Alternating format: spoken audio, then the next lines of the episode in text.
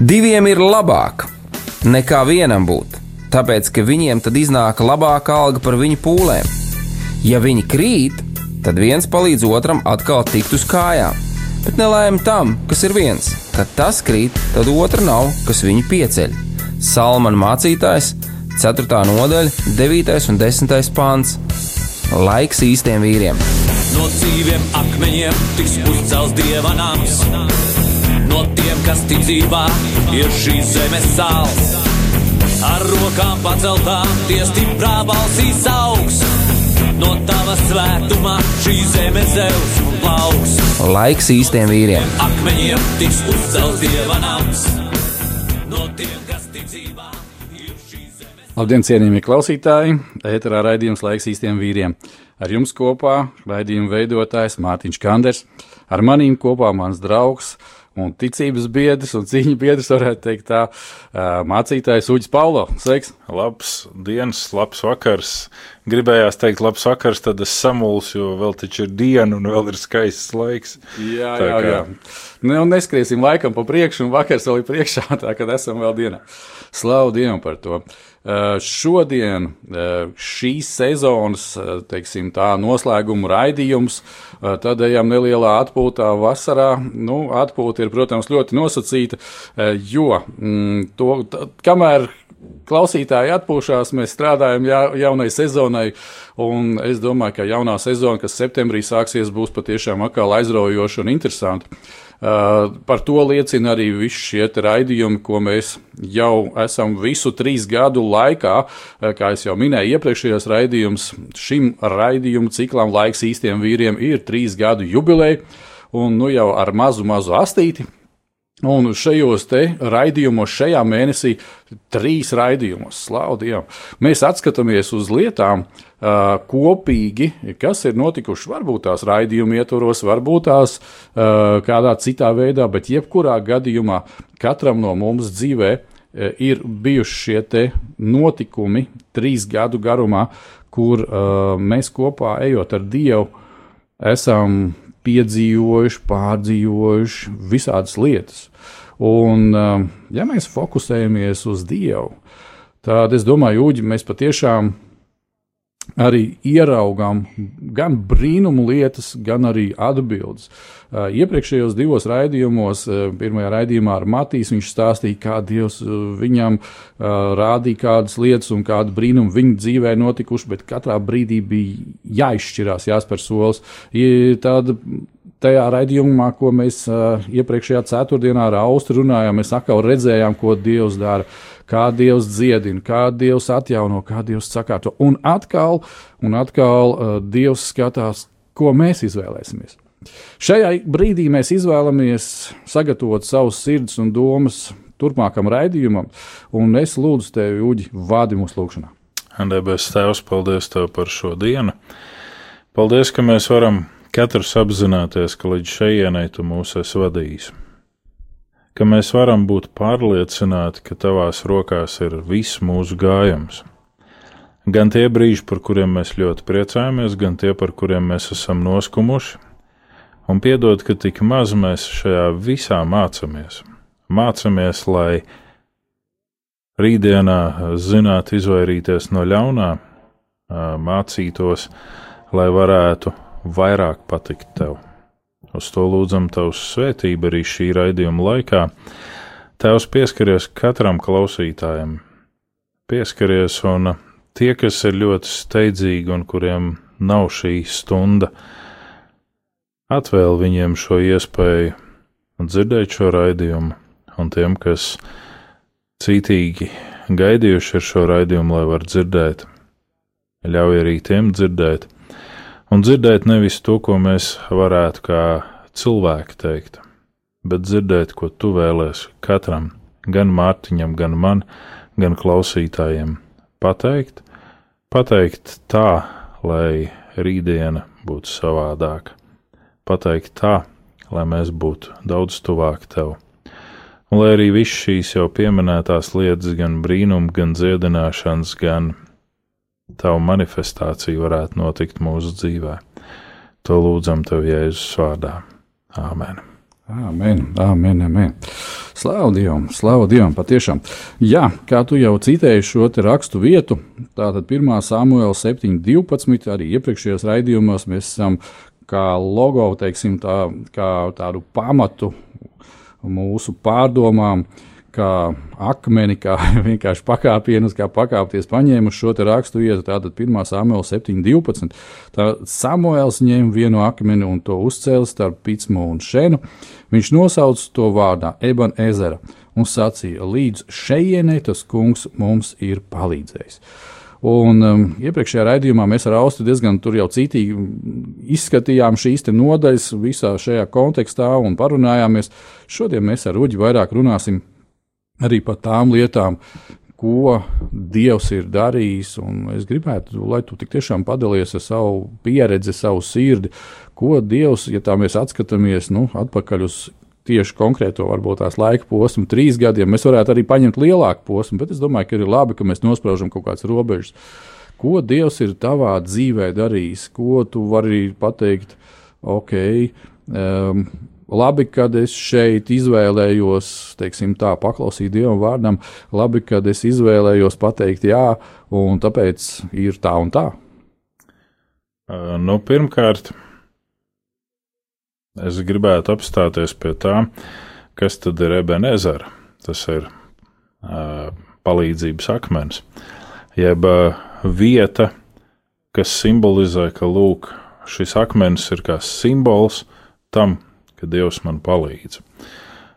Un uh, šie pēdējie trīs gadi, uh, izteiktāk pēdējie divi, manā dzīves gājumā ir apstājušies ar šo vienu jautājumu pēctecība.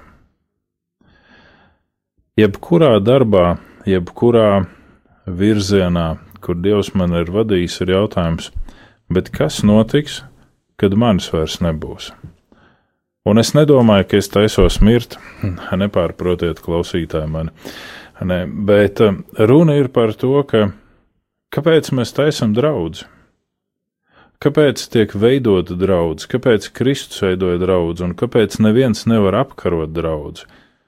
Lai kā mēģinātu izpostīt kristīgo ticību, lai kā mēģinātu šo mācekļu grupu izšķaidīt, tas neizdodas. Kāpēc? Tāpēc, ka Kristus tam ir paredzējis pēctecību. Un manā dzīvē ir šis jautājums par pēctecību diezgan aktuāls, jo ir bijušas vairākas draudzes, draugu grupas, kuru veidošanā un organizēšanā Dievs man ir aicinājis piedalīties, būt kā vilcēju spēkam. Un šajā brīdī ir šī grupa pilsēta, šī draudzene. Ir divas pilsētas, ir Gaujā un Rīgā, bet Gaujā tā kā es esmu nodevis visas tās vadības lietas kādam citam cilvēkam, un tur es parādos ļoti reti, lai neteiktu, ka pēdējā gada laikā es tur neesmu bijis vispār vienreiz, laikam, e, jo ir aizņemtība ar daudz ko citu. Bet e, šī pēctecība ir ļoti būtisks jautājums. Un viena daļa, ko es mēģinu ielikt savos bērnos, ir kādi aspekti no šīs pēctecības. Mācīt, rādīt, skaidrot, mierināt, jo mēs aizkadrā ar tevi runājām par to situāciju, ka tu esi nospraudis, tagad man būs, teiksim, pasākums, un šajā pasākumā piedalīsies man tas un tas un tas. Un kāds, jeb visi pēkšņi nolec no trases. Un vienam tur ir tas, un otram ir tas, un trešam ir vēl kaut kas, un, un mēs nevaram. Un ir jautājums, protams, ka cilvēcīgi ir tas, bet kā, nu, taču sarunāja, taču ir jāiet mieru. Ja noleca, paldies Dievam, tā tad tā bija jābūt. Protams, ka tev kā cilvēkam, kurš esi bijis stiprā pietismu eh, vidū un apritē, gribās uzreiz tiesāt un, un, un lekt uz ecešām un pateikt, tu sev aplaupt, tu sev svētības nozodz. Tā vairs nav mana lieta. Tā ir dieva kompetence. Mans jautājums ir, vai tajā brīdī, kad man ir jāizvēlās, vai es izvēlos to, ko Dievs grib, lai es izvēlos. Un tā tad es mācu bērniem šo pēcsacības principu, nododot savu mieru tālāk viņiem par to, lai nav šī cepšanās, kā mēs cilvēki sakam, nav šī satraukuma, vai ko tad tagad es darīšu, tā persona man atsaka un šī man atsaka. Pirmkārt, Dievs man neatsaka, un ja visa šī iniciators un autors ir Dievs, tad man nav ko satraukties. Tad viņš man vada tā, kā viņš vēlās. Un šajā spektrā es esmu viņa aitiņa, un tā otra persona ir viņa aitiņa. Un nevajag iedomāties, ka tā ir nomaldījusies tikai tāpēc, ka viņi neatnāca uz manu pasākumu. Ne? Bet Dievs mūs vada kā gans, abas divas. Pēcsacība arī draudzes jautājumā man ir bijis šis pēcsacības jautājums, kas notiks pēc manis. Un es mēģinu arī visiem draudzes cilvēkiem, kas ir kalpošanā visvairāk, uzdot šo vienu strateģisko jautājumu: vai tu audzini sev nomaiņu? Jo ļoti bieži ir tā situācija, ka mums ir jāmotivē īpaši tie cilvēki, kuriem ir jāuzņemās kāda kalpošana. Bet tad, kad viņi grib nolikt no šīs kalpošanas, tad turpat minūte nepaiet, un viņu vairs nav. Bet tu vari nolikt tikai tad, kad tev ir pēctecība, ka kāds nesīs to karodziņu tālāk, to stafetes kociņu tālāk. Un mana pēctecība rāda, ka mums ir dziesma šobrīd. Jā, garām tā.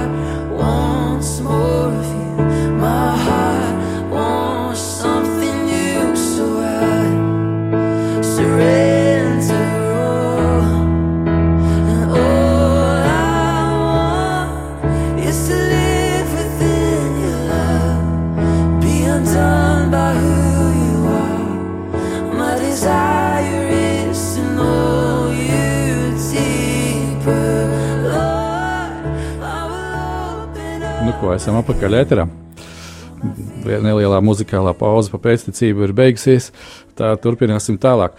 Tu iesāki šo domu par pēctecību draudzē un, un par to, kā es saprotu arī nu, saviem personīgiem bērniem, un, un, un droši vien arī taviem, tā kā varētu teikt, garīgiem bērniem. Jā, tā runa ir. Lai, jā. lai, lai klausītājiem būtu nedaudz jā, skaidrāka bilde par ko runa. Personīgiem bērniem es vairāk mācu šo mieru, ko es esmu mācījies no Dieva. ja es biju jauns un, un strauji, un es uzskatīju tikai tā un nekā savādāk, tad izējot cauri tam, ko tūkstneša tēvs sauc par dvēseles tumšo nakti, es esmu nonācis pie tā brīža, kad nav tikai mans ceļš un bezceļš, ir vēl kādi ceļi, un, un viens no tiem ir Dieva vadība. Ne? Un šajā brīdī saviem bērniem es mācu tieši to, ka, ja tev nenotiek viss tā, kā tu vēlēsies, paļaujies uz Dievu, bet pārējiem ļaudīm un arī saviem bērniem es mācu šo principu, ka tev ir jābūt gatavam un vietai ir jābūt sagatavotai, lai tu varētu sekot Dievam jebkurā brīdī. Kad tu tiec aicināts, kad tev Dievs sauc prom no šī objekta, jo saprotu vienu lietu. Pat ja, piemēram, draudzes jautājumā vai uzņēmēja darbības jautājumā, jebkurā dzīves spektrā, ja tu esi gatavs, ka šodiena ir tava pēdējā darba diena šeit, tad nav problēma. Var vēl desmit gadi paiet, bet tā vieta ir sagatavota. Un varbūt tai personai, kur tu kā pēcteci audzini, ir vēl daudz, daudz jāmācās no tā, ko viņš vai viņa redz no tevis, un tad viņi ir gatavi palikt. Un tātad šis pēcsacības jautājums ir, ir ļoti būtisks, un kā jau es teicu, nevis tāpēc, ka es gribu rīt vairs nebūt, bet tāpēc, ka man ir jāredz tā dieva perspektīva, kā tas iesāktais darbs var turpināties. Jo šobrīd bez tās garīgās kalpošanas un bez studijām esmu arī ik pa brīdim tādos procesos, kuros es veicu kādus remonta darbus. Un tu saproti, ka tas remonta darbs ir tāds, ka tu nevari atstāt neizmazgāts pindzels vai rullīšus, vai kaut ko pusratā. Tev ir jānoved tas darbs līdz kaut kādam posma galam, lai ja nu rīt tu pēkšņi nevar ierasties un kādam citam ir jāturpina tas darbs, lai nebūtu tā pagaidā, kur te viņš palika, kas te notiek. Nu, ir jābūt skaidrām robežām. Un, un arī tā ir kaut kāda zināma pēctecība. Bet tā ir vienkāršāka, jo ik viens cilvēks varēs turpināt krāsot. Ik viens cilvēks varēs laminātu ielikt vai eh, špaktelēt, bet draudz vadīt ir vajadzīgs aicinājums. Pārredzēt draudzi ir vajadzīgs aicinājums. Un pagājušajā nedēļā man bija tāda interesanta situācija mācībās. Mums bija tāds mazs ievads bibliodrāmā, Un pasniedzējs mums liek aiziet, sadalīties divās grupās, un vienai grupai aiziet uz citu telpu, un viena paliek mūsu auditorijā. Un abām grupām ir uzdevums vienāds - apskatīt vienu Bībeles narratīvu par pazudušo dēlu un redzēt visu to, kas tur nav uzrakstīts. Un viskonkrētāk tur bija runa par to, ka ir jāredz sievietes, kuras tādā stāstā vispār neparādās. Nu, labi. Mēs izdarām savu mazo darbiņu, izspriežam, izdiskutējam par visām iespējām. Un tad pasniedzējs paziņo, ka mums ir ne tikai jāizrunā tas, bet arī jāuztais etīde, jānotēlo tas viss. Un mani kursbiedri, tie, ar kuriem es esmu vienā grupiņā mierīgi, paziņo, ka viens būs jaunākais dēls, viena būs māte, kas jaunākā dēla dzemdību laikā nomirst, otra būs kalpone, kas audzina šo jaunāko dēlu, un es būšu teicējs, tēvs un vecākais brālis vienā personā. Un tajā brīdī es ievēlu elpu, un es skatos, bet ikdienas dzīvē tas ir tieši tā. Tev ir tas vezums, kur tu velc, un ir sajūta, ir jau baigi smagi. Bet izrādās, ka tu vari vēl mazliet. Un tas vezums ir ar tādu ļoti plašu spektru. Tas, ko tu jau dari. Un, un, protams, ka tam cilvēkam, kuram nav daudz dots, tam šķiet, ka tas mazie ratiņi vai ķerra, kur viņš stumj, ka tas jau ir zilonis, ko viņš velk aiz ausīm uz kūti. Un tu, kuram ir reāli rati ar trim, četriem ziloņiem jāvelk, tu brīžam varbūt saskumst par to un saka, nu, ārprāts, nu, tev ir maz ķēriņu, par kādu nogurumu tu runā, vai ne? Silpodams es stumtu tādu ķēru, bet Dievvvārds mums saka, kam daudz dots, no tā daudz prasīs. Kam maz dots, no tā maz prasīs. Ja, un es iestarpināšu, varbūt tās vēl pa starpu, man uzreiz nāca šī doma, kad, ko arī Dievvvārds saka, kad uh, Dievs pirms uzticēt lielās lietas, viņš iedod mazās lietas. Jā. Un, un es domāju, ka tas konteksts ir ļoti būtisks. Jo, kā tu teici, ja, kad uh, velkot trīs ratus, paskatās to blakus, kā tur tā viena mazā tačka, ja, un tā tā liekas, o, oh, vecīt, nu, ko, ko, ko tu te pārdzīvo vispārībā, atnāc šurpām. Bet um, kaut kādā brīdī, droši vien, ka tu arī sāki ar to vienu mazo tačku. Ja? Un, un, un šodien, ja mēs tagad atkal paņemam to tēmu, kad atskatāmies trīs gadi atpakaļ, es saprotu, cik uh, gadiņi ir uh, draudzē pilsētā. Draudzēja pilsēta kopš kalpošanas sākuma ir 18 gadi, un kopš svētdienas dievkalpošanām un reģistrācijas ir 4 gadi. Nu, redz. Tātad, ja mēs paskatāmies atkal kaut kādā trīs gadu griezumā uz atpakaļ, nu, tad tie, kas ir, kā tu teici, svētdienas dievkalpojumi, ja, ka četri gadi, principā trīs gadi, nu jau ir tās diezgan normāls stāsts, ja, kur tu, kad tu droši vien palūkojies uz kontekstu, nu, te ir diezgan ļoti interesanti. Ja?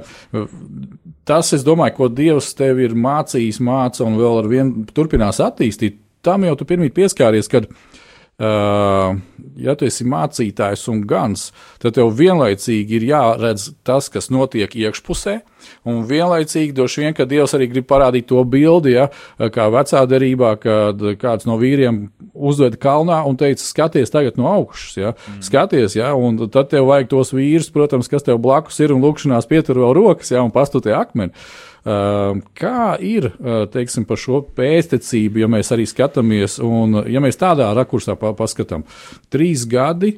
Eh, skats no iekšpuses, ok, skats no ārpuses. Kā tev vienkārši, kā, kāds ir tavs, nu, teiksim, tas piedzīvojums, vai varbūt tās kaut kāds tāds ekstra pārdzīvojums, kur tu saproti, nu, ok, bez dieva, tad Nu, es saprotu, ka bez dieva vispār nekas nebūs, bet ir reizēm nu, tādas, nu, tā kā šis akmens, ja ot viņu noliekam to akmeni un sakām, viss līdz šitai vietiņai, ja, tas ir kaut kas zīmīgs.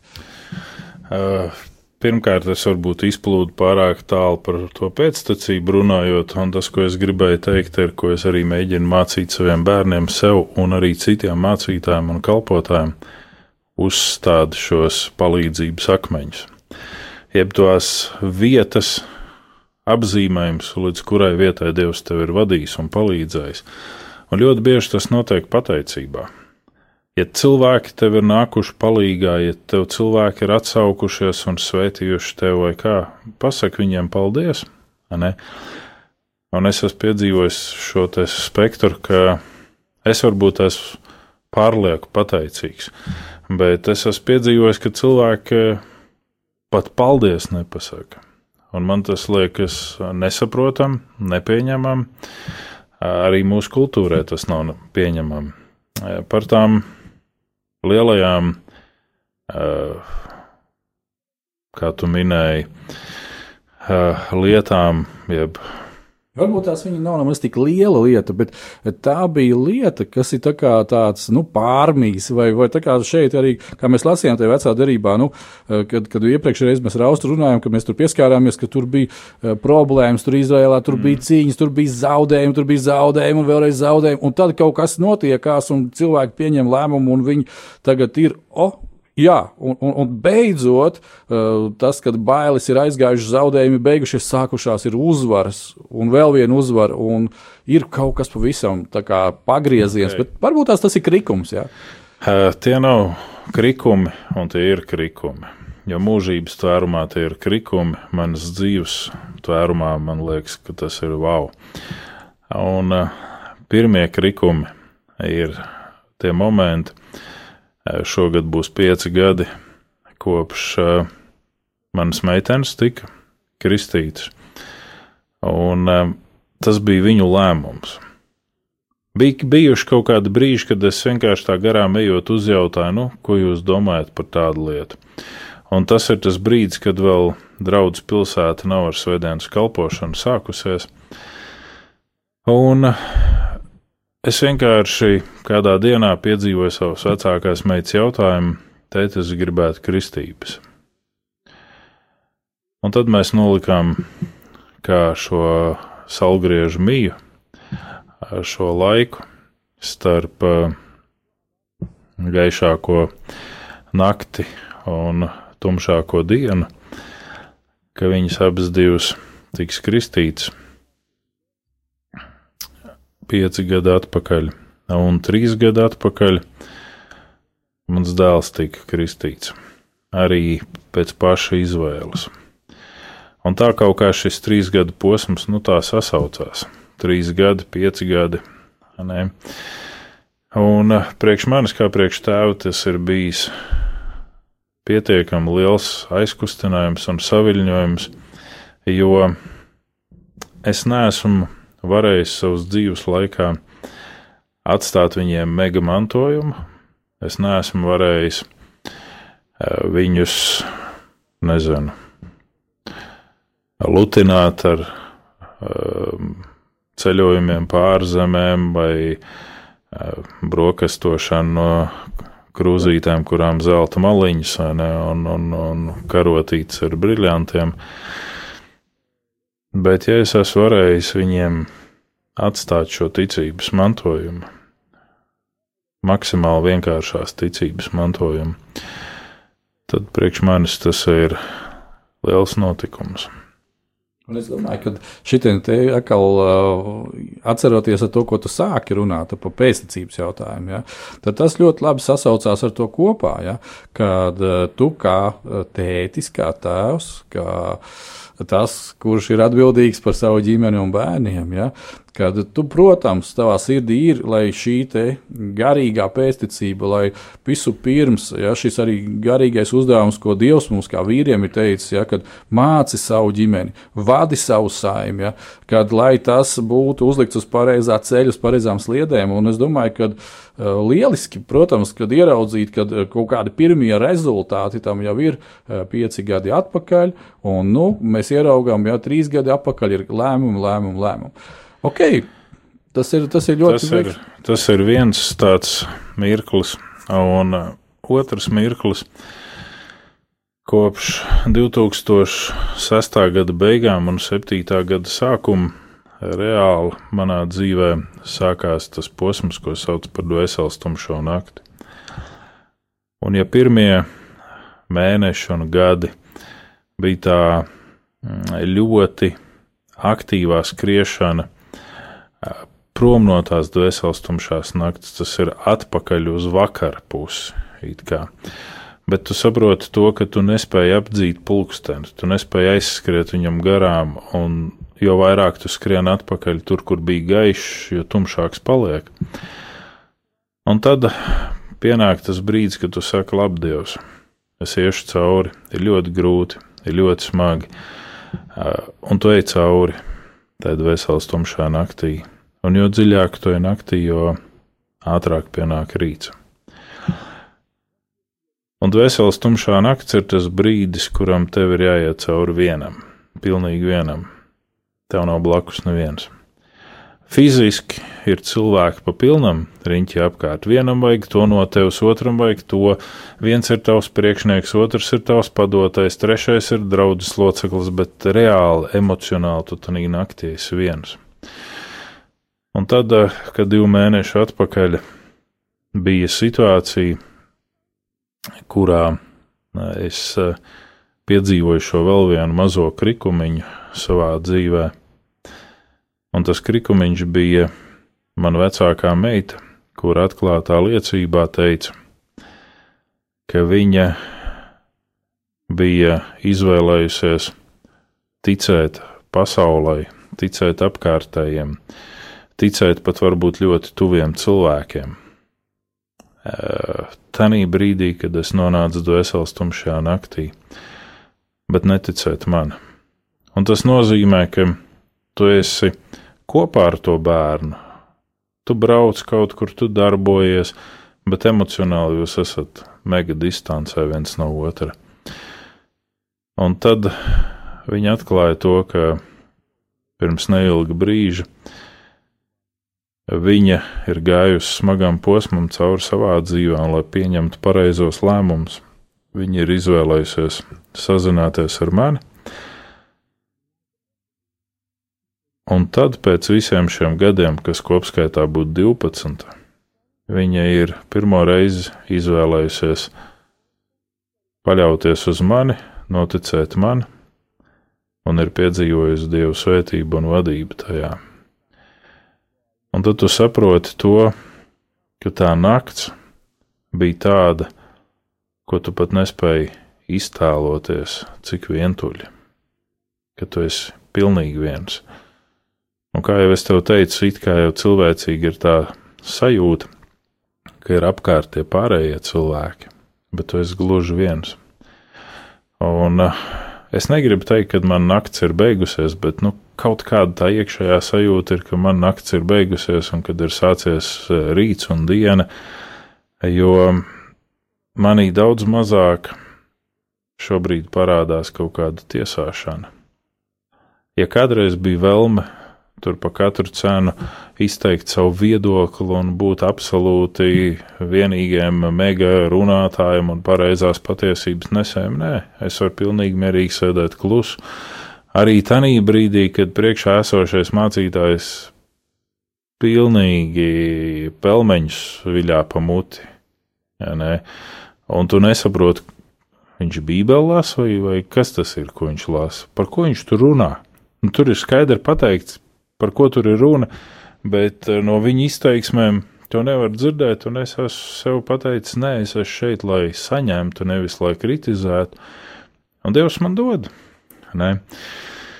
Un es negribu teikt, ka eh, man iez muguru un augsts pārni, kā vien to, ka es ceru, ka tā nakts ir beigusies, un tie ir bijuši man tie priekš manis tie lielākie notikumi - bērnu kristības, un manas meitas liecība, ka viņa bija atstājusi mani vienu, un šobrīd viņa ir izvēlējusies ticēt man un ir piedzīvojusi svētību. Jā, super, lieliski. Nu, ejam nelielā muzikālā pauzē, atsvaidzinām vēl savus prātus, un tad pēc brīdiņa turpinām.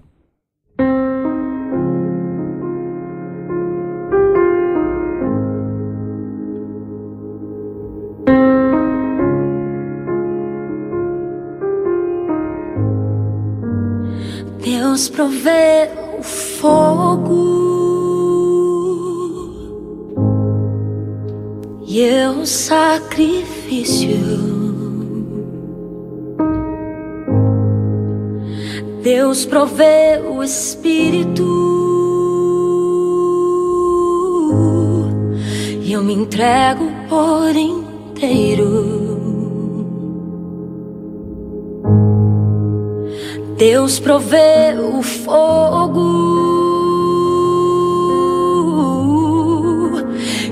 e eu sacrifício. Eu sou. Deus provê o Espírito e eu me entrego por inteiro. Enche-me Deus, enche-me, Deus, enche-me, Deus, enche-me, enche-me, Deus, enche-me, Deus, enche-me, Deus, enche-me. Deus provê o fogo e eu o sacrifício.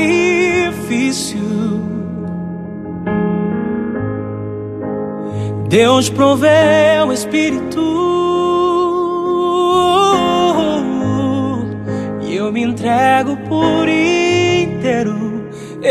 Enche-me Deus, enche-me, Deus, enche-me, Deus, enche-me,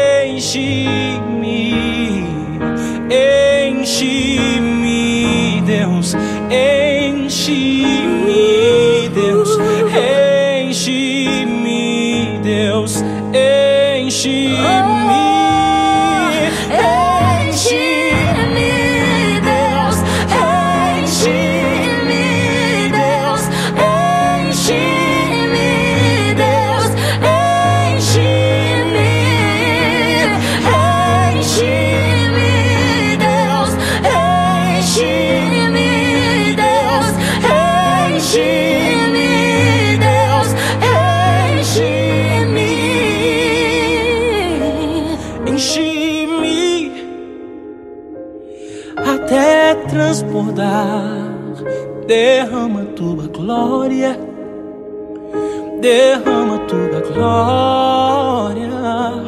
Enche-me até transbordar. Derrama tua glória, derrama tua glória. Enche-me até transbordar. Derrama tua glória,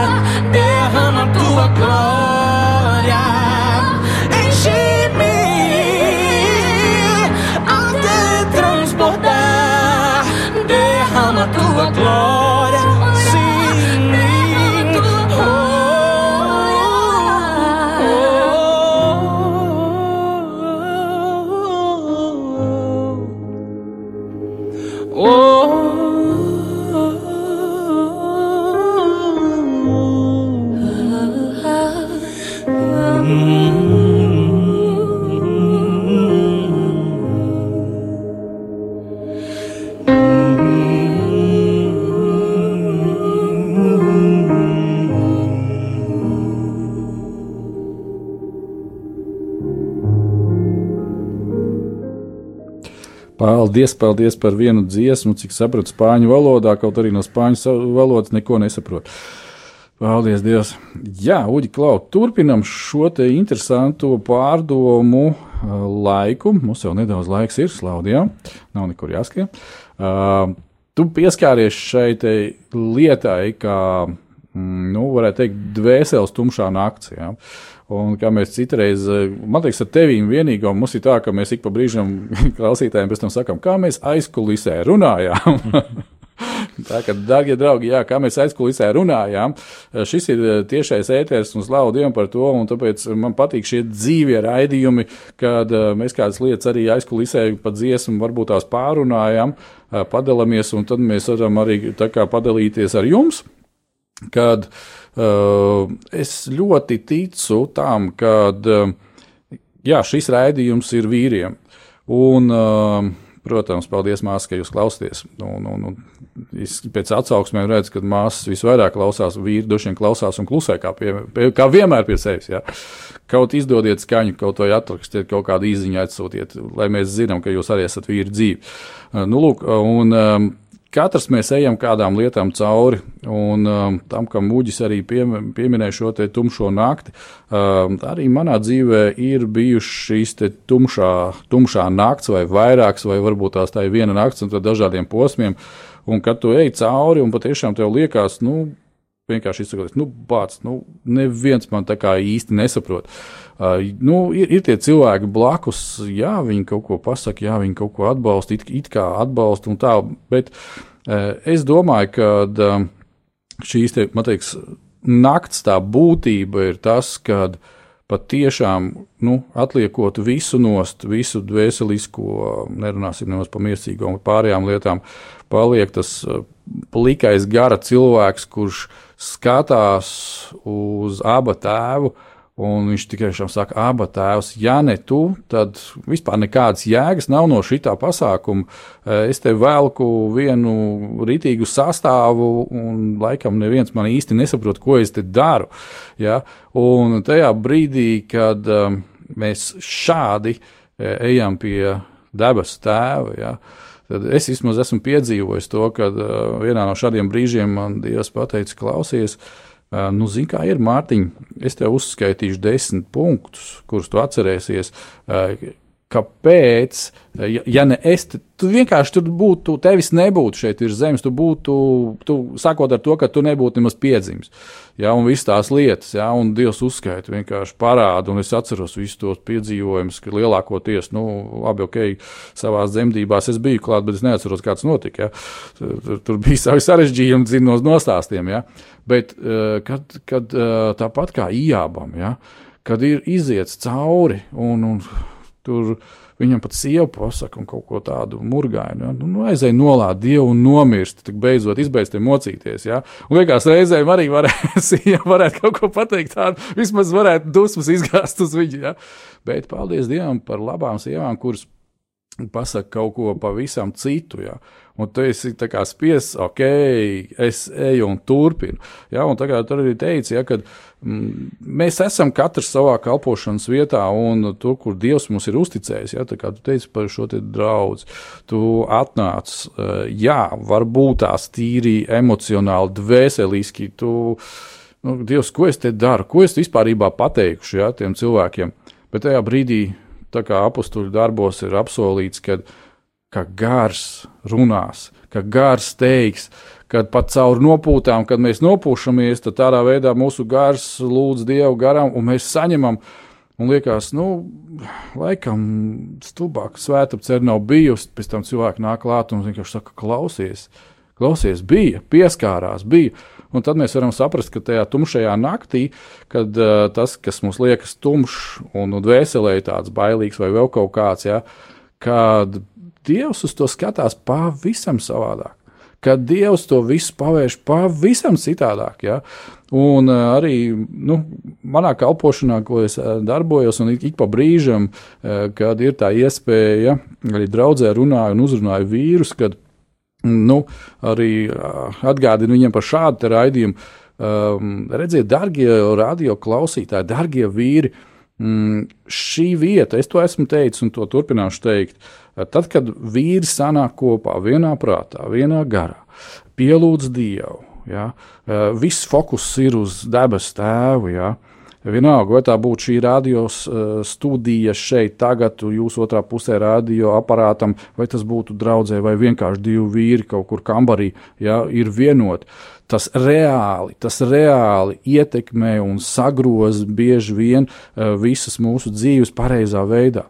Jo mēs esam no kaut kā atteikušies, lai iet un izdarītu dievu prātu lai vienkārši paklausītu viņam. Ja?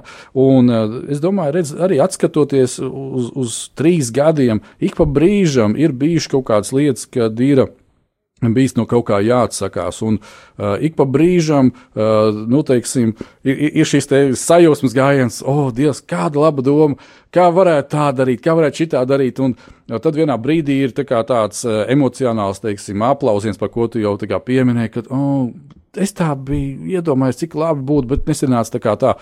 Bet, e, jā, es esmu pat arī tajā brīdī, it kā tajā tumšajā zonā, bet tajā pašā laikā Dievs. E, tavs raidījums, tavs laiks, mana dzīvība, es piedaru vienkārši tev. Ko darām tālāk? Saki, tēti. Un tad es bieži vien redzu, ka ir kādi pagriezieni un pavērsieni, kas ir pavisam savādāk, kurus pat nevarēja iedomāties to. Ja? Un uh, arī šie trīs raidījumi, kas šajā mēnesī izskanēja, es domāju, ka būs vairāk piesātinātāks, varbūt tās vairāk brāļiem un vēl kaut kā tam līdzīga. Uh, bet šobrīd, jau skatoties atpakaļ, šobrīd jau paskatoties, kā Dievs mūs ir vadījis. To, ko mēs arī ar tevi runājām aizklusē, katram cilvēkam, katram vīram, paldies, ka tu esi šodien šeit, Uģi. Ja? katrs, kas šeit dalījās ar savu dzīves daļiņu, kripatiņu, ja, kas ir ļoti būtiska, uh, ir uh, šis piedzīvojums īpašais.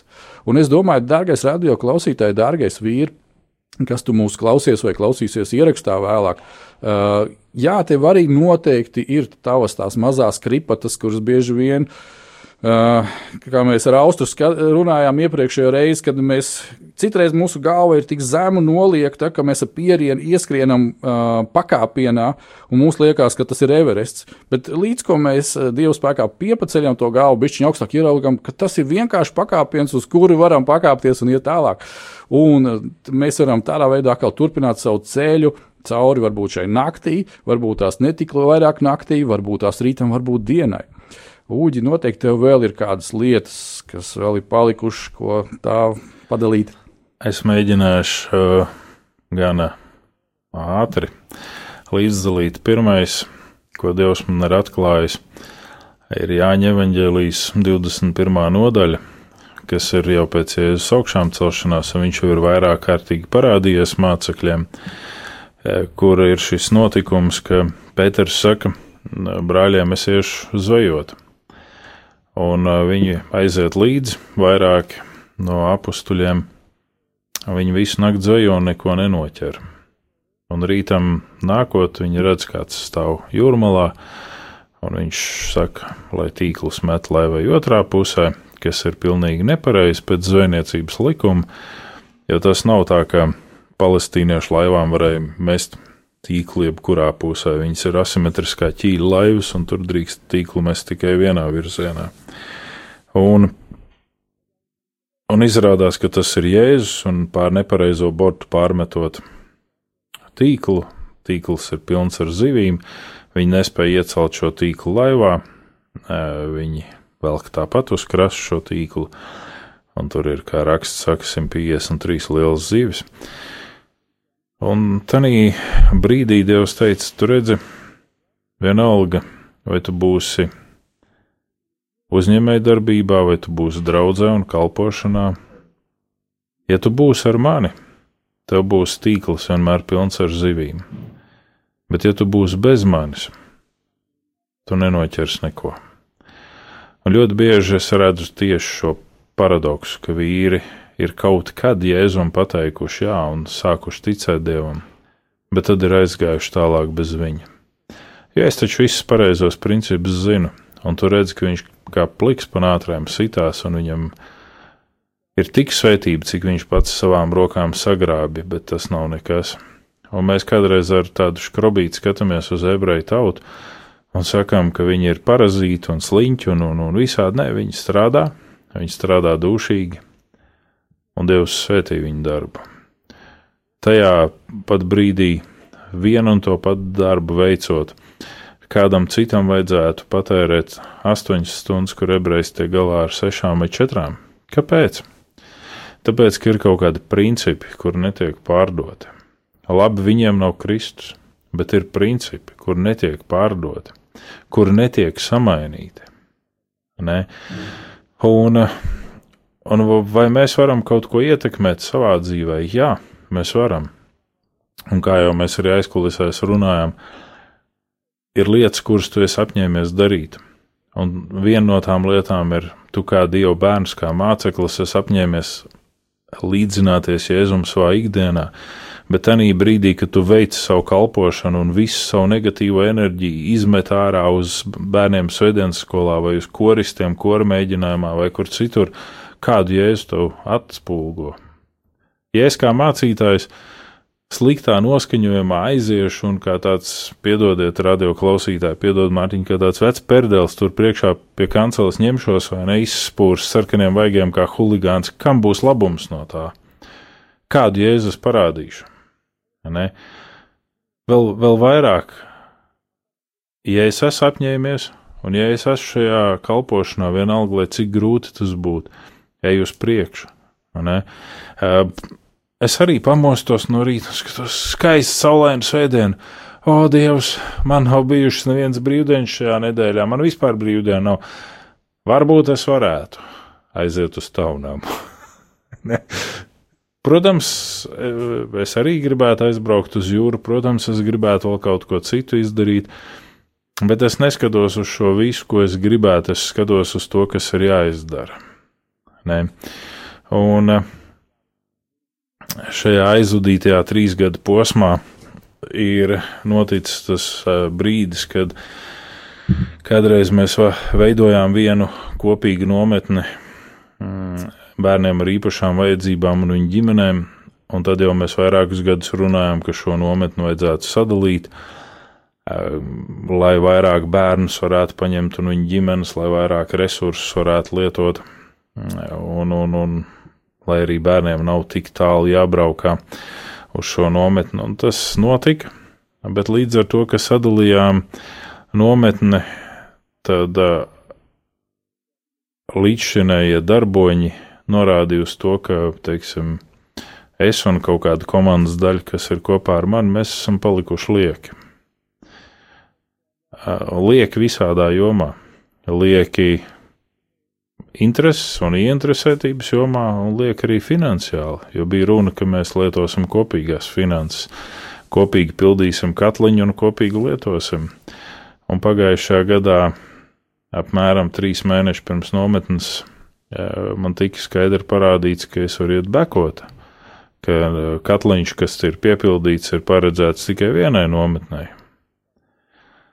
Un tas bija tāds stresiņš un lūgums dievam, un tā nometne notika. Un vecāki bija priecīgi, un bērni bija priecīgi. Un Dievs svētīja, un šī gada nometne būs jau otrā, ko mēs veidojam atsevišķi. Un būtībā viss gads periodiski ir pavadīts tajā, lai rastu atbalstu šai nometnei un lai rastu svētību. Un Dievs vienmēr ir parādījis to, ka Viņš ir un paliek un būs uzticams. Ne? Un eh, neskatoties uz to, ka vēl eh, finanses pilnā mērā nav, lai nosaktu šo nometni, un arī tie ziedotāji, kas varētu ziedot, kā lielie ziedotāji, veikalu tīkli vai uzņēmumi, pakāpeniski atsaka. Ticība nekur nav palikusi, un pārliecība par to, ka Dievs ir, nav zudusi. Un nometne būs, un vieta ir skaista, un, un Dievs mūs vada. Un tie ir brīnumi. Jā, neviens nav piecēlies no ratiem, Vēl nav. Jā. Um, arī neviens mūžībā aizgājušais nav uzcelts bērnu ceremonijas laikā, bet ir lietas, kuras Dievs dara.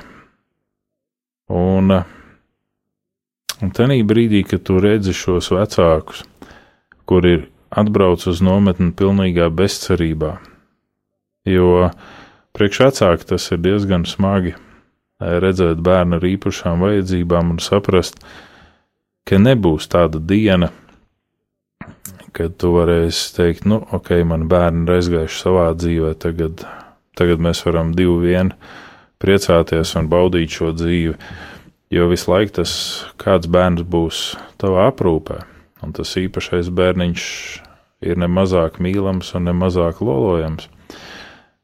Un viņi atbrauc ar bezcerību, bet viņi aizbrauc ar ticības prieku mājās. Un tu redzi to, un tev ir tāds, ah, paldies Dievs! Jā, tas bērns nav piecēlies no savas kaitas, no savas slimības, bet atkal no otras puses tu redzi šajā bērnā izaugsmu un procesuālu dziedināšanu. Jo Man un tev to ir grūti saprast. Man, mēs augstam Dieva brīnumu. Bet iedomājies, ja tagad ir bērns, kurš līdz 20 gadu vecumam ir pratis tikai tik daudz kā izburtot vārdus, kurš pat konceptus nesaprot, kurš pulkstē nepazīst. Ne?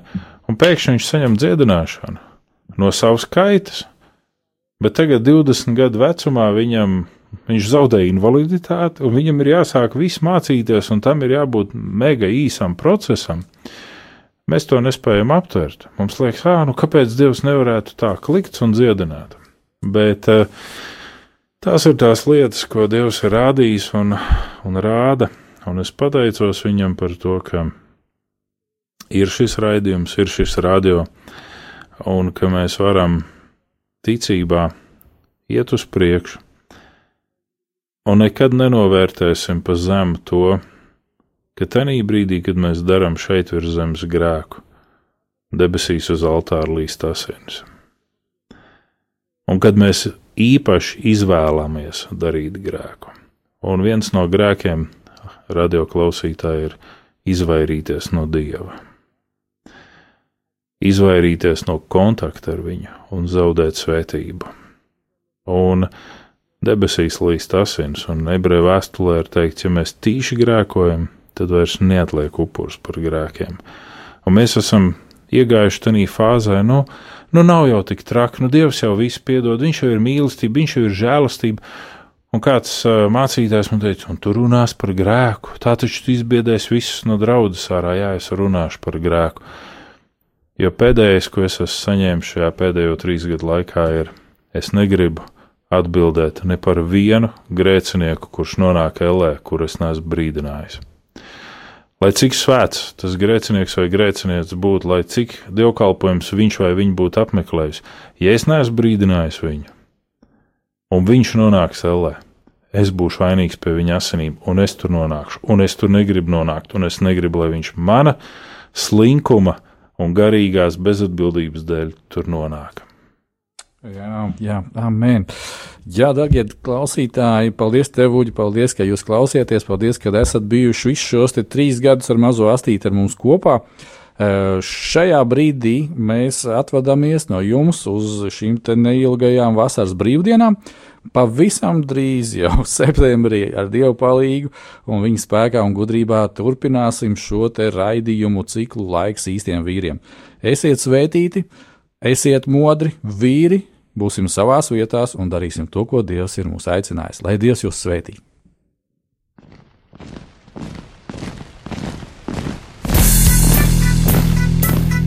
Diviem ir labāk nekā vienam būt, tāpēc ka viņiem tad iznāk labāka alga par viņu pūlēm. Ja viņi krīt, tad viens palīdz otram atkal tikt uz kājām bet nelaime tam, kas ir viens. Kad tas krīt, tad otra nav, kas viņu pieceļ. Salmāna mācītājs, 4. nodaļa, 9. un 10. pāns. Laiks īstiem vīriem. No dzīviem akmeņiem tiks uzcelts dieva nams. No tiem, kas tic dzīvā, ir šīs zemes sāls. Ar rokām paceltām, tie stiprā balsīs augs. No tava svētumā šī zeme zeus un plauks. Laiks īstiem vīriem. Akmeņiem tiks uzcelts dieva nams.